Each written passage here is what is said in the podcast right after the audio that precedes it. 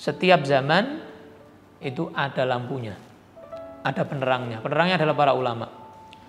Nah, kalau kita mau jalan kita menuju Allah terang di masa kita masih hidup ini, maka penerang kita adalah ulama.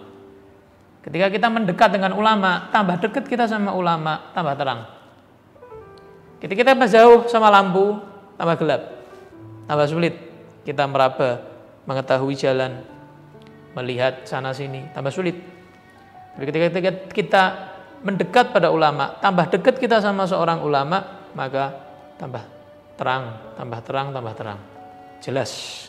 Jalannya jelas, tujuannya jelas, ya.